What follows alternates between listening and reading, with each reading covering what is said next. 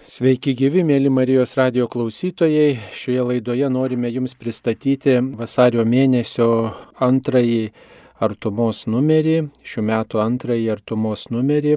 Ir šį žurnalą pristatys žurnalo vyriausias redaktorius Darius Kmėliauskas, taip pat šio žurnalo bendradarbė socialinių mokslų daktarė Nijolė Liobikienė, kuri yra krizę patiriančių šeimų konsultantė. Ir taip pat susisieksime su e, šventosios šeimos seserimi Virginija Banzevičiūtė. Taigi laidos pradžioje noriu klausti gerbiamo vyriausio redaktoriaus apie tai, koksai šio numerio straipsnis įdomiausias pačiam redaktoriui, kurį labiausiai rekomenduotų perskaityti pats žurnalo redaktorius. Taip visada įdomu ir, ir redaktoriui, aš manau, ir skaitytojams gyvi pokalbiai. Popieriuje Tai pagrindinis, na, toksai mūsų buvo uždavinys - išgirsti pačius vienuolius, kaip jie įsitraukia, kaip jie girdi popiežiaus kvietimą. Ir žinom, kad net ir Vatikanas, ir, ir paprastai tariant, vienuolių kongregacija irgi turi tam tikras specialias arba instrukcijas, arba kvietimus, arba pasiūlymus vienuolyjams, kaip joms įsitraukti ir galvojom, kad geriausias būdas jų pačių paklausti. Ir labai džiaugiamės, kad ir moterų vienolyjų vyresniųjų dabartinė vadovė, sesuo Gintautė ir tokios nacionalinės sinodinės jų grupės dalyvė sesuo Virginija ir brolis Piotras iš konventualų sutiko dalyvauti tokiam redakciniam pokalbėje. Ir galbūt geriausia būtų iš jų pačių išgirsti, kaip jiems sekasi. Ir paprašėm seserį Virginiją, kad jie šiek tiek išduotų, kaip jiems sekasi sinodiškai susisiekėme su seserimi Virginija iš Šventosios šeimos kongregacijos. Taigi, kaip galėtumėte pristatyti štai sinodo įspūdžius, taip pat jums teko kalbėtis apie bažnytinį gyvenimą ir kaip išvelgėte, kokie yra iššūkiai šiuo metu bažnyčioje. Na, gal galėčiau iš tikrųjų daugiau kalbėti iš to pašvesto gyvenimo turbūt pusės apie sinodą ir ką jisai mums reiškia turbūt ir kaip mes jį suprantam aš kažkaip galvoju apie tai, skaičiau tą straipsnį, kurį ten, žodžiu, mes kalbėjom ir, ir labai gražiai surašė. Pirmiausia, tai norėčiau popiežiaus, kad aš jį matau iš tikrųjų kaip pranašą, kaip, kaip Dievo siūstą žmogų, per kurį Dievas mums nori pasakyti, kad aš matau, kad jūs jau sėdit patogiai, įsipatoginę savo ramiai gyvenat. Jeigu mes žiūrėtume iš tikrųjų vien tik tai į pašvestą į gyvenimą, tai tarsi Dievas sakytų, nu, čia jeigu dar net konkrečiau į Lietuvos bažnyčią, tai tarsi Dievas sakytų, taip aš matau, kad jūsų vienuolynai maždaug eina jau į senatvę, jau jūs gal net ir kai kurie mirštate ir įsivaizduojate, kad jau viskas jums baigta ir jau jūs, žodžiu, nėra vilties. Bet nežiūrint to, jūs vis tiek turite eiti pirmin, nenusiminkite, turėkite vilties ir taip toliau. Ir kažkaip suprantu, kad šitas sinodas turbūt, aišku, plačiai prasme ir visai bažnyčiai, ne, ir mes žinoma, ne Europoje, kiek yra pas mus bažnyčiai pašaukimų į kunigus ir vienuolius, kad tarsi Dievas sakytų, jūs nenusiminkit, jūs darykite darbą, kurį aš noriu, kad jūs padarytumėt. O visa kita jau priklausys nuo manęs. Suprantu, kad tarsi Dievas kviečia atlikti judesį, atlikti žingsnį pirmieji, Dievas tarsi sakytų, kad aš einu su jumis ir nenusiminkit. Aš manau, taip sinoda bažnyčiai ir konkrečiai pašiostam gyvenimui. Iš tiesų tai labai gražiai mūsų Lietuvos vienolyjų konferencijos atsakingoji gintautė, jinai kažkaip gražiai mūsų visas sukvietė seseris labiau seseris jinai kvietė, nežinau, kiek brolių kvietė dalyvauti toje sinodiniai komandoj pašvestųjų, bet kažkaip seserys labai gražiai atsiliepė, tikrai nemažas skaičius, apie 15 seserų atsiliepė dalyvauti toj komandai tam, kad atsilieptume ir darytume tos žingsnius į popiežiaus kvietimą Tai va šitas yra labai gražu, kad seserys nu nepraradusios vis dėlto aš matau vilties ir tikrai labai entuziastingai apsijėmė visai bendradarbiauti ir visas Lietuvos vienuolijas žadinti ir kviesti įsijungti į šitą sinodą. O tai kokias mintis tame sinode galbūt išsakėte, kai buvo pokalbiai, kokie atradimai buvo, kas jūs tiesiog galbūt nustebino ar nudžiugino, į ką atkreipėte dėmesį, į ką galbūt anksčiau nebuvo progos atkreipti? Iš tikrųjų mes pirmas, kai buvo mūsų seserų pirmas susitikimas, tas bendrai ben, skirtingų vienuolyjų seserų susitikimas, mes pirmiausiai pasidalinome mintimis, kas man yra sinodas. Tai tikrai buvo įvairių minčių, man asmeniškai tai sinodas iš tikrųjų atrodė, kad kaip tarybiniais laikais būdavo penkmečio planą reikia įvykdyti, žodžiu, ir niekam ten neįdomu, niekam nerūpi, ir vėl čia nauja, kažkokią tai knygelę išleisime, žodžiu, ir pasidėsime ją į lentyną. Bet suprantu, kad taip nėra. Ir aišku, seserys kitos irgi apie tai daugiau mažiau taip mes bandėm išsiaiškinti, kas tai yra. Ir tikrai labai gražiai bendromis pastangomis, kur manau, kad tai mes susirinkom, tikrai Dievas ten buvo, kažkaip labai gražiai supratom ir, ir išsiaiškinom tai, kad nu, tai yra kelionė, tai yra tik pradžia, šitas sinodas tai yra tik pradžia ir mums visoms seserim. Toks atėjo iš tikrųjų suvokimas, kad pirmiausiai mes turim pradėti nuo mūsų bendruomenių pačių įgyvendinti, kažkaip gyventi. Sinodo dvasia tai, tai yra pradėti eiti pirmin, net atrodo, jeigu pas mus ir viskas gerai. Ir tikrai yra kur peržiūrėti ir tikrai atsirado bendruomenėse tų momentų, kur seserys dalinosi ir sakė, kad mes per daug patogiai gyvenam. Mums reikėtų gal pradėti žiūrėti į aplinką, iš naujo, pamatyti iš naujo savo veiklas, peržiūrėti gal, nu kažkaip taip. Sesė Virginija, jeigu galėčiau dar aš bent man jau nuskambėjo labai toks tikroviškas balsas jūsų ir sesers, ir, ir brolio, su kurio kalbėjomės, kai jūs pasidalinate apie tai, kad iš pradžių atrodo smagu, likti entuzijazmas, o paskui galvoji, kad tai čia irgi bus toks valdiškas biurokratinis reikalas, o paskui vis tiek pradedat nuo savęs ir savo aplinkoj, pradedat kalbėti ir, ir net pasidalinat, nežinau, ar ten jūs ar sesė gintautė, apie tai, kad viena sesuo, kuri jau bebaigianti 80 bendruomeniai, staiga šitam sinodiniam pokalbėje sako, jeigu popiežius prašo, jeigu popiežius popiežius skatina, tada aš pasakysiu, ką galvoju. Ir kaip jūs ten sakot, kad sesuo galbūt pirmą kartą gyvenime išdryso pasakyti, ką jinai galvoja, o ne nutilėti nuolankiai žodžiu ir nieko nesakyti. Toksai, na, vat, tikroviškas pasidalinimas, kad tas sinodas prasideda nuo tokių pačių mažiausių, bet svarbiausių žingsnių, kad mes vietose aplink savo bendruomeniai pradedam kalbėti. Taip, aš iš tikrųjų suprantu, kad kas yra gražu, tai buvo iš tikrųjų mūsų bendruomeniai, kur mes jau antras mėnesis irgi tikėjomės daryti kas sinodinius susirinkimus. Jau esame padarę vieną sinodinį susirinkimą, tai yra rekolekcija, sinodo tema. Ir dabar vėl darysim rekolekcijas ir vėl dalinsimės, nes tai taip, kartais bendruomenėse yra sunku pasakyti, ką tu galvoji, nes lengviau yra pasakyti, ką reikia sakyti ir kai tu pradedi gyventi taip su tuo, ką reikia, o ne kas tavyje iš tikrųjų yra ir vis tau atrodo baisu, kad tavęs nepriims bendruomenė ir atrodo baisu padarysi, ką žinau, nuodėmę ten ant kunigo kažką pasakysiu, nu, ta prasme, kad išsakysi savo mintis, tai ką tu matai, net ne ta prasme, kad ten, žodžiu, pasilinksminti, paplėtėti, apkalbėti, bet dalintis mintimis kad galėtų, nu, kaip bažnyčia, bažnyčia šviesos daugiau atsirasti tam tikrą prasme. Tai šitas yra labai gražus momentas, kad yra seserų turbūt ir brolių, kai pradeda dalintis ir atsiranda atvirumas bendruomenės. Ir turbūt čia turbūt gali būti sinodo irgi vienas iš vaisių, kur galėtų bendruomenėse būti daugiau atvirumo. Tai ačiū, mėla sesė.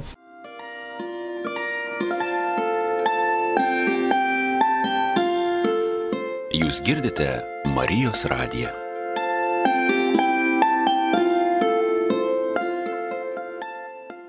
tęsėme laidą. Šioje laidoje pristatome žurnalo Artuma vasario mėnesį ir mūsų laidoje dalyvauja taip pat ir Nijolė Teresė Liobikinė. Taigi, mėla Teresė, kokią temą rašėte šiame numeryje?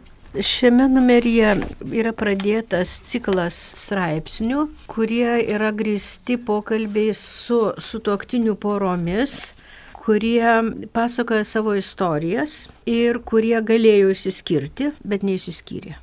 Ir man atrodo, kad tai yra labai naudinga ir labai gera iniciatyva, Be abejo, pasakoti savo, na, tokias skausmingus išgyvenimus ir skausmingas istorijas nėra lengva, savo išgyvenimus pasakoji, bet jeigu tai yra autentiška, tai tas yra labai naudinga kitiems, nes kažkaip yra dar klaidžiantis mitas toksai, kad jeigu šeima tikinti, o dar praktikuojanti tikėjimą ir einanti mišes ir vaikus auklėti, Nu tai čia, žinai, viskas yra taip, čia viskas čia, čia iš karto į, į dangų, nes, nu, nei ten kokių labai dėlių krizių, nei išgyvenimų, tiesiog kartais taip ir girdėdavo, sakydavo, kad jeigu viskas taip, viskas bus gerai, žodžiu, yra visi kaip asfalt. Deja, šeimos gyvenimas jisai nėra apsaugotas nuo krizių, tai yra normali šeimos būsena. Pagrindinis klausimas yra, kaip šeima pasirengusi tas krizės įveikti. Todėl beveik kiekvienoje šeimoje vyksta tos normalios vienamos krizės, kurios, pavyzdžiui, yra susijusios su šeimos vystimusi, ar ne? Netgi patys laimingiausi momentai, pavyzdžiui, kūdikėlių atsiradimas, kito kūdikėlių atsiradimas, jau yra šeimoje krizė, todėl kad tu turi ne tik tai su vienas su, su kitu santyki turėti, bet atsiranda kūdikėlis, tada santykis su juo, tada kitas kūdikėlis vėl. Žodžiu, viskas keičiasi, nes šeima tai yra toksai dinamiškas labai darinys ir kiekvienas pasikeitimas lydimas visą aibę jausmų. Čia ir baimė, ir piktis, ir bejėgiškumas, ir, ir toks neviltis, kodėl čia mums, kaip čia, kas čia su mumis darosi, mes atrodo buvom tokie, nu, tikrai padori šeima, kas čia vyksta. Galų galia atšalimas, nes mama labai įsitraukė į kūdikėlių auginimą, tėtis dirba pinigų, tada neskiria laiko bendravimui. Ir pradeda labai dažnai atitolti ir tada tų žmonės sėdi su vaikais, ypatingai kai vaikai jau išlizdo išskrenda, tai tas labai pavojinga, ką mes čia veikia. Mes praradom kažkokį tai bendrumą, kodėl mes čia esam tarsi du svetimi žmonės. Tai dažniausiai, va, su šitom krizėm šitam pasaulyje yra dorojamasi skyrybomis. Meilė praėjo, susižavėjimas praėjo, mes nelaimingi, kodėl mes čia turime gyventi, nu ir tada sukamės kiekvieną savo keliu. O dar yra mitai, kurie sako, nu svarbu labai kultūringai išsiskirti, mes busime draugai išsiskyrę, o vaikai bus laimingi, nes mes kultūringai išsiskyrėme, nes kai mes čia pykomės, tai vaikai nelaimingi. Ir tada žmonės, va taip, kodėl aš čia turėčiau dabar ką nors daryti. Taigi, jeigu žmonės nu, nėra tikintys, tai žinoma, nu, jie ieško lengvesnių išėjimų iš situacijos, nors iš tiesų moksliniai tyrimai labai aiškiai rodo, kad skirybos yra didžiulė krizė. Pirmiausiai yra jiems patiems ir ypatingai didelė krizė vaikams. Poveikį ištyrinėjo psichologai, tai sako, kad skirybų krizė yra antras labiausiai skausmingas įvykis po kokio nors šeimos nario mirties. Ir tai yra didžiuliai. Ir iš tiesų, man susiduriant su žmonėmis, tikrai tas pasitvirtina. Net ir tada, kada žmonės skiriasi, kai jie jau nebegali tikrai, nu pavyzdžiui, smurtas arba tokia priklausomybė, kuri nu neleidžia šeimai funkcionuoti, nes labai priklausomas žmogus jis gali paskutinius marškinius išnešti ir savo priklausomybei panaudoti neįmanoma. Net ir tada žmogus gedi, jam skauda, nes niekas nesitokia tam, kad išsiskirtų. Tai čia reikia šitą suprasti. Bet iš kitos pusės, ne, nepaisant to, kad mūsų, reiškia, nu, lyg tai bažnyčios bendruomenė, tikinčių bendruomenė, lyg ir turėtų tų skirybų būti mažai, vis dėlto jų yra. Ir žinoma, ko gero, reikėtų dar padaryti gerą tyrimą ir paskaičiuoti, kur ten tos jau tokios priežastys, kur iš tiesų neįmanoma, o kur buvo galima ką nors pataisyti ir sustabdyti procesą, nu, tokio tyrimo nėra. Bet šitie sutuoktinių pasakojimai apie savo gyvenimo krizę, jie padeda mums suprasti, kaip neišsiskirti. Ir štai kodėl tie žmonės neišsiskyrė, nes tikrai turėjo visišką galimybę tą padaryti. Tai man atrodo, kad tiesiog labai reikia padėkoti tiems žmonėms, kurie drįsta tą daryti ir iš jų patirties galima labai daug ko išmokti. Tai pirmas dalykas - pripažinti, kad tam tikri etapai, kurie lydimi krizių, kad tai yra norma kad tai nėra to, kad jau mes negalime būti kartu, bet yra simptomas, kur mes turime ieškoti pagalbos, kur mes turime dėti pastangas. Ir dar vienas dalykas, kuris yra labai svarbus, netgi populiarioje literatūroje iškia apie skirybą, sako, jeigu jūs pasitokdami galvojate, kad išsiskirsite, kai nepavyksta ir išsiskirsit. Tarsi va šitame pasakojime poros jie tarsi jautė, nu kad čia yra labai blogai, čia mes negalime to daryti, bet kažką reikia daryti. Ir dar vienas dalykas, kur jie pradėjo ne patys kalbėti, nes nėra labai smagu kalbėti apie tai, kas man blogai. Visi tikisi, o jūs tokia gera šeima, jūs kiekvieną sekmanį einate į bažnyčią, jūs vaikai tokie geri, tai jau pas jūs turbūt viskas, viskas vos neroju. Tai kam tu čia dabar gali pasakyti, kad nu man negerai, aš blogai jaučiuosi, žinai, tarsi nu, uždedamas toksai įsivaizduotinas šarvas tiem žmonėm ir jie kenčia vidu, žinai, ir jiem blogai. Ir čia šitam pasakojime bendruomenė kuriai jie priklausė. Jie pamatė, nes labai aiškiai gali pamatyti, matydamas to žmonės, kad kažkas jiems yra negerai. Ir jie išdryso ir sako, kas jums yra, papasakokit. Mes matom, kad kažkas jums blogai. Ir žinoma, nu, kadangi bendruomenė ir kadangi aiškiai paklausė, tie žmonės papasakojo. Ir va tada jie gavo tikrai pagalbą ir gavo tą tokį nurodymą, nu, tokį pasidalinimą ir jie gavo dvasinę pagalbą, nes ta bendruomenė labai išmintingai veikia, jie vyrai išėjo pasikalbėti su vyru, moteriškės išėjo pasikalbėti su moterimi, paskui jau jie ten kartu kalbėjosi, galų gale visi meldėsi. Ir žinoma, ta šeimas pradėjo suprasti, kad gali būti ir pavargęs, ir nusiminęs, bet vis tiek tu turi kalbėtis, tu turi sakyti, kaip yra, tu turi neslėpti. Žinau, daug tokių dalykų Ir taip lydimi tos bendruomenės, jie iš tiesų neišsiskyrė, ačiū Dievui. Ir man atrodo, kad jie ir dabar, nes man teko sutikti, bent jau Jaroslavą, tikrai tai yra labai atviras žmogus, kuris tikrai numatosi, kad savo šeimoje yra laimingas, ta prasme, kad džiaugiasi tuo, kad jie yra kartu. Tai man atrodo, kad čia yra tas kelias. Be abejo, kad jie gali sutikti ir kitų krizių, bet jie jau žino, kur eiti. Kaip sako irgi tokia mūsų pažįstama Nijolė Liobikinė, kad krizės tik tai sustiprina, užaugina arba sugriauna. Arba sugriauna. tai aš dar irgi norėjau atkreipti dėmesį, kad gali būti, atrodo keistai, ar ne, mūsų čia nemaža dalis žurnalų irgi apie vat, vienuolius, apie vienuolinių bendruomenių irgi gyvenimą, įsitraukimą į sinodą ir pokalbius sinodinius.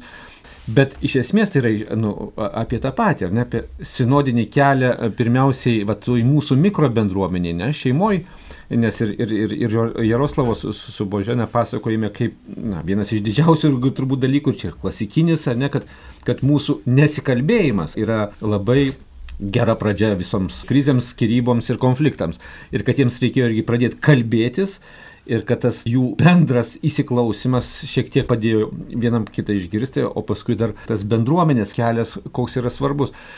Tai aš tikrai irgi labai džiaugiuosi, dar noriu padėkoti pareklamuoti, kad tai yra mūsų, galim sakyti, bendras projektas, nes su Lietuvos šeimos centru ir, ir taip pačiai dabartiniai jo vadoviai Violetai Vitkauskinį labai dėkoju, nes mes daug irgi apie tai kalbėjom, kad artumoje turim tą skiltį jau keletą metų, ko reikia kiekvienai mamai, kuri irgi buvo su Lietuvo šeimos inicijuotas. Paskui praeitais metais kalbėjom, ko reikia šeimom, kurios galbūt ir, ir mamom, ypač ne, kurios ten turi vaikų su specialiais poreikiais, nes irgi, o dabar, na, sakom, nu turime prieiti ir, ir prie šito klausimo, ko reikia kiekvienai šeimai, ne, ir, ir ypač, kai jinai yra krizėje. Ir ypač tuomet, kai mes matom, kad labai dažnai, va, ir čia Nijolė minėjo prieš tai, kad viešoje erdvėje mes galime išgirsti ne va tai gražių pavyzdžių apie kiek įmanoma gražesnės skirybas, o tikrai nedaug pavyzdžių girdim, kad žmonės vis tik tai įveikia tą krizę ir kad ta krizė pasibaigia ne mirtimi, o, o, o stipresniu gyvenimu. Ir va dėka dabar ir, ir Violetos ir Lietuvos šeimos centro, na, mes ieškom, pakalbinsim e, tokių porų, kurios išdrįsta kalbėti ar ne apie tas įveiktas krizės, ta, tas tikrai nu, nėra paprasta, nes kalbėti tai yra irgi šiek tiek vėl išgyventi iš naujo tą patį ir tai nėra malonu. Tai mes dėkojam labai ir Boženai su Jaroslavu, kurie pradėjo mums šitą ciklą ir dėkojam tiems, kurie dar pasidalins, bet tai nėra apkalbų arba kokio tai smalsavimo klausimas, ar ne? Čia tas, tas pats bendruomeninis palaikymas, ar ne? Kad mes matom, kad tai yra mūsų žmonės, mūsų panašus katalikai, atrodė gražus, atrodė, žinai, vaikai, šeima, bažnyčia čia, čia viskas gražu ir staiga vat, patys sako, kad pasijutom, kad jau esam beveik ant skirybų slengščio, kad, kad, kad jau uh, tenkiam duris išeiti. Ir tuomet galim suprasti, kad na, tai mūsų visų galimas labai likimas, o kaip čia irgi minėta, kad statistika nerodo kažkokių labai didelių reikšmingų skirtumų tarp katalikų ir nekatalikų skirybų. Tai labai na, džiaugiuosi ir kad Nijolė paskui pažvelgia ir profesionalaus konsultanto, ir, ir, ir žmogaus su patirtimi akimi ir, ir šiek tiek pakomentuoja tą situaciją ir, ir galbūt na, padeda išryškinti. Tai labai ir dėkoju ir, ir, ir Nijoliai, ir toms poroms, kurios pasidalina. Ir labai džiaugiuosi, kad na, vėlgi tai gali būti labai konkretus tas mūsų sinodinis kelias šiandien ir čia mūsų bendruomeniai. Bet, mėla Nijolė, dar aš vat, noriu trumpam staptelti prie to skirybų temos. Vis tiek visuomeniai egzistuoja tam tikras toksai nusistatymas, svarstymas ir kodėl reikia man kentėti toj šeimoje, jeigu mes tikrai nesutarėm, yra barnių ir čia eikvoti energiją, čia krizių tavom sprendimui, jeigu mes patyrėm daug nesutarimų, čia pažeminimo, dar kažko nesutarėm dėl kažko, gal nereikia eikvoti laiko ir, kaip sakant, vaikų sveikatos ir tos ramybės ir energijos va tam taikymusi pasukam atskirais keliais ir turbūt daugelis va taip ir svarsto, kad kam kentėti, kad galiu pasirinkti va tokį taikos kelią ir, ir tiesiog neįkvoti veltui savo jėgų. Man atrodo, kad tai, ką jūs paklausėte, tai turbūt visų metų gali būti tema Marijos radijoje. Pokalbiai, todėl kad yra labai platu. Ir iš tiesų, jeigu žmogus kenčia ir, ir kenčia dėl tokių dalykų, dėl kurių jam net, netgi pasakyčiau įdinga, pavyzdžiui, jeigu tu leidi, kad su tavim elgtųsi smurtautojas, jeigu smurtauja, arba priklausomybę turinti žmogus. Ir tu kažkaip bandai tenai manipuliuoti ir, ir taikytis ir, ir, ir kokią kainą, tai be abejo to negalima daryti. Tai čia jau yra toks atskiras klausimas. Į jūsų klausimą atsakant, reiškia, kam aš turiu kentėti. Nu, mes nenorime kentėti. Ir šeima tai neturėtų būti tokia kentėjimo mašina, tokia kankinimo mašina, kuriame žmonės ateina kentėti. Į šeimą žmonės ateina mylėti ir džiaugtis meilė, džiaugtis tarpusavio buvimu. Bet net ir patys tobuliausi žmonės, kurie nepaprastai myli vienas kitą, visiškai nenorom gali kitą žmogų įskaudinti. Ir todėl, va, reiškia, jeigu tas žmogus, kuris nu, pasijunta įskaudintas, nepasako to, neišreiškia, nepasiaiškina, nežino kaip suprasti, tyli, nes jam reikia kentėti ir jisai daugiau jau nebekentės, nu tai čia jau tavo problema, jau, jau kentiek, jau jeigu nenori kentėti. Nes matote, nu nėra šeimos gyvenimo, kuris būtų vien tik rojus. Į rojų reikia patekti. Ir tarpusavio žmonių santykiuose, o vyras ir žmona yra, vyras ir moteris yra ypatingai, nu visiškai skirtingi. Jie aišku, kartu gyvendami jie turi apsišlifuoti, prisitaikyti, suprasti, atleisti. Tas reikalauja darbo ir tas reikalauja, nu tam tikrų, tai nėra lengvas dalykas. Tai jeigu tu nusiteiki tam, kad reiškia mano šeimos gyvenimas, reiškia čia yra tavo lūkesčiai, kad mano šeimos gyvenimas tai bus rojus ant žemės, Nu tai viskas, tai tada tavo pradžia yra bloga. Ir čia yra tie du tokie neįgyvendinami lūkesčiai, kuris paskui labai nusivilia, tada sako. Kitas dalykas, net aš kažkaip tai galvoju apie šventąją šeimą. Na, tikrai šventoji, negačiausiai Dievo motina ir šventasis Juozapas, kurios metus mes, reiškia, šventėme, tai buvo tikrai nu, tobuli šventi žmonės. Irgi jie kentėjo, todėl kad nežinojo, kaip pasielgti, bijojo įskaudinti kitą žmogų, nežinau, ar tai, tai reiškia, kad nu, šitame gyvenime nu, mes visiškai be kančių apsėti negalime.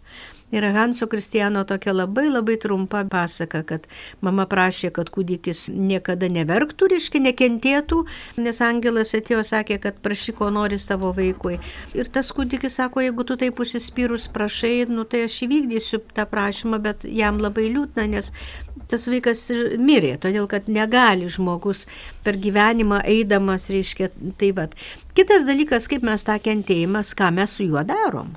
Jeigu mes jį didinam, aitrinam ir jeigu mes sakome, kaip baisu, ir tada klausimas, ar su kitu žmogum gyvendama tu niekiek nekentėsi, arba gyvendamas tu niekiek ne, nekentėsi, tai čia vėlgi klausimas. Bet man atrodo, kad čia yra jau tikėjimo dalykas, kaip mes įprasminam tą kentėjimą, kurį mes patirime iš, iš artimo paties artimiausio žmogaus, kuris daro tam tikrus dalykus visiškai negalvodamas, kad skaudina ar ne, arba, nu kartais jis negali kitaip, arba jinai negali kitaip. Tai galima kartais prisitaikyti ir su humoru pažvelgti į tą dalyką, ką mes su juo darom, ar mes tik krauname, paukojame tą viešpačiui, krauname savo turtą danguje, ar mes pykstame, aikštė piktinamės, ėdame vienas kitą ir, ir, ir tada, reiškia, nu, nieko neišeina, tik tai skirtis. Trumpai sakant, jūsų klausimą turėčiau va, tą pasakyti.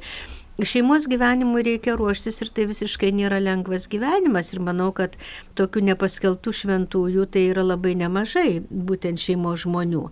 Todėl, kad tai yra nelengva ir, ir kaip sakiau, tai yra labai sudėtingas procesas nebereikalo ten, kur yra netgi pagalbos sistema, labai dažnai ne, ne, nevyksta, negalima padėti, todėl kad, pavyzdžiui, per daug pažeisti žmonės bando kurti šeimą. Jie nori gauti iš šeimos daugybę dalykų. Arba, pavyzdžiui, yra atveju, kada vyras, kuris yra labai patriarchališkas neigiama prasme, neteigiama vyriškumo prasme, bet valdymo prasme, kuris, reiškia, viską nusprendžia už moterį, kuris sako, ką jinai gali. Ir iš principo yra psichologinis smurtas. Ir dėl mūsų tokios nebrandos ir galvojimo, kad, nu tai, tai čia aš myliu, žinai, ir jis mane myli, nes taip sako, žinai, tai mes vien tik meilės negana. Ir galų galia, kas ta meilė yra vėlgi atskiras klausimas. Meilė tai nėra rožės lakštingalus ir mėnesienos, sako Allah Rahmanova. Tai yra gana sudėtingas kelias. Tai būtent jeigu tikrai iš esmės tikintys, tai jie tiesiog pagalvoja, ar viešpats iš meilės ant kryžiaus numirė ar ne. Tai aš ten savo vyro kokius nors ten, nu, kurie man labai nepatinka, labai nepatinka. Arba mano vyrui, kuriam labai nepatinka mano tam tikri dalykai. Nu, iš meilės aš galiu sakyti, nu, ah, nu ką dabar darysi, žinai. Vis tiek aš jį myliu, jis mane myli, viskas gerai. Bet aš galiu sakyti, kaip šitaip galima, kaip mes tą priimam. Aišku, aš nekalbu čia apie tokius dalykus, kurių toleruoti negalima. Ir jeigu tu nepastebėjai to, jeigu tu turėjai rožinius sakinius ir jų nenusėmė, ir jeigu tu, nes paprastai draugaujant tas pasireiškia, pavyzdžiui, smurtas psichologinis arba ten, kas labai dažnai palaikoma meilė, jis mane taip myli, kad jisai taip manim rūpinasi, kad niekur neleidžia man važiuoti, kad aš nepavargčiau. Palaukite. Tai čia kas turi nuspręsti, ar ne tu, ar jisai ir jisai gali patarti, bet žinai, tai va tokios apraiškos, smurto apraiškos, jeigu jos nepastebimas, paskui išauga į labai didelį dalyką ir tada žmogus negali būti su kitu žmogum, nes Dievas nesukūrė santokos kaip smurto institucijos. Taip, tai turbūt kiekvienoje šeimoje svarbiausia yra kalbėtis su pagarba, su tokia meilė ir ieškoti tos tiesos grūdo mūsų santykiuose. Kartai žmonės kalbasi ir negirdi vienas kito. Nu, va, Tai yra labai svarbu ne tik kalbėti, bet ir išgirsti kitą. Tada bus gerai. O jeigu abu du kalba, nes kalbasi, sako, mes kalbamės, kalbamės, ir taip susipykom besikalbėdami ir jau dabar jau savaitę nesikalbam. Kalbėjimas yra ir gebėjimas kalbėti, ir gebėjimas girdėti. Tai tiesiog. O dar primint trečias dalykas - išgirdus ir apmastyti ir pritaikyti. Taip, Tai taip. čia didelis menas, tai, kuris Jūs čia visai apie sinodą kalbate. Galiausiai kalbate apie skirybas, šeimas, o iš esmės tai, ką popiežius sako apie sinodą, jūs čia ir kalbat. Tai, nu. Nu, Tai jūs taip pat, mielas Dariau, kalbėjotės e, su Bernadeta Mališkaitė apie tiesą, laisvę, apie štai laisvės premijos skirimą. Tai galbūt e, irgi galėtumėt pasidalinti įspūdžiais iš to pokalbio. Tikrai turim ypatingą progą pakalbinti ypatingą žmogų, sesę Beną, kuri mums irgi yra keliariopai brangi, nes jinai greta to, kad tikrai nusipelnė visai nuolankiai, paprastai, bet tarnaudama e, ten, kur jinai buvo, tai yra tuo metu ir, ir, kronikai padėdama ir bažnyčiai. Tai paskui mūsų jau laikais, Lietuvos laikais, jinai buvo labai artima ir, ir, ir artumos bendradarbė dirbo šitame žurnale.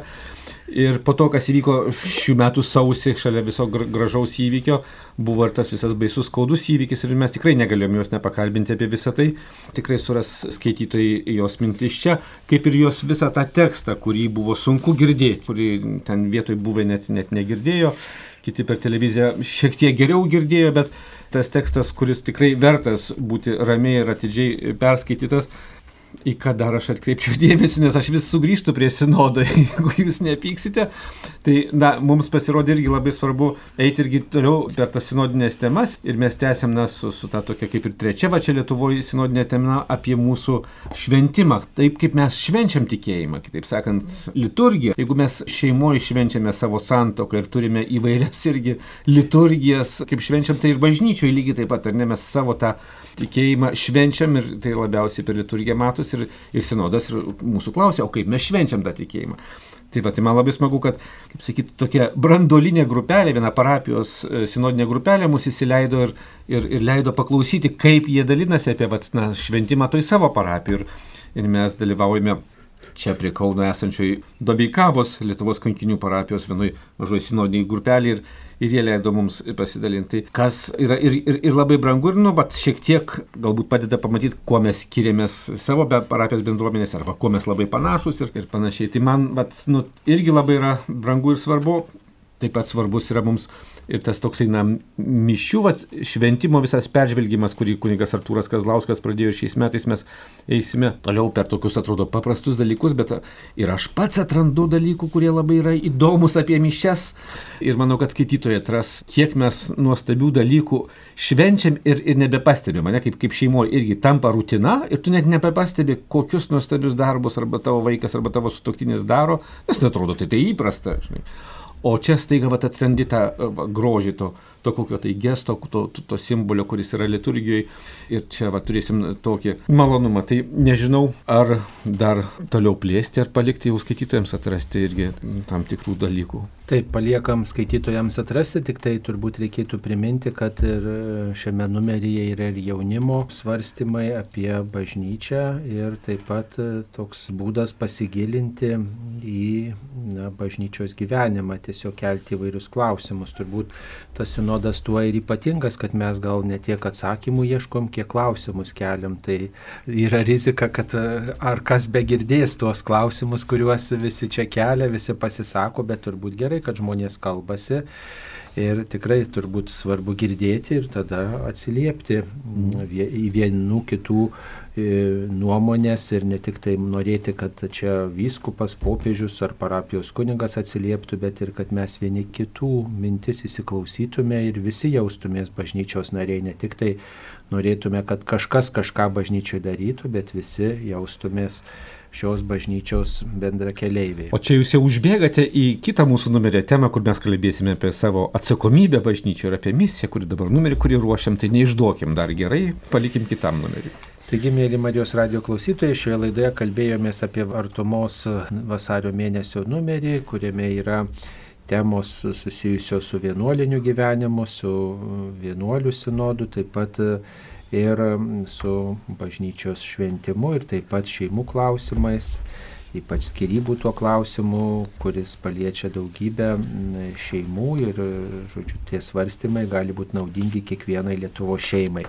Šioje laidoje dalyvavo žurnalo Artumos vyriausias redaktorius Darius Kmeliauskas, numerio žurnalo bendradarbė Nijolė Teresė Liobikinė, socialinių mokslų daktarė ir taip pat šventosios šeimos sesuo Virginija Ačiū, sudė.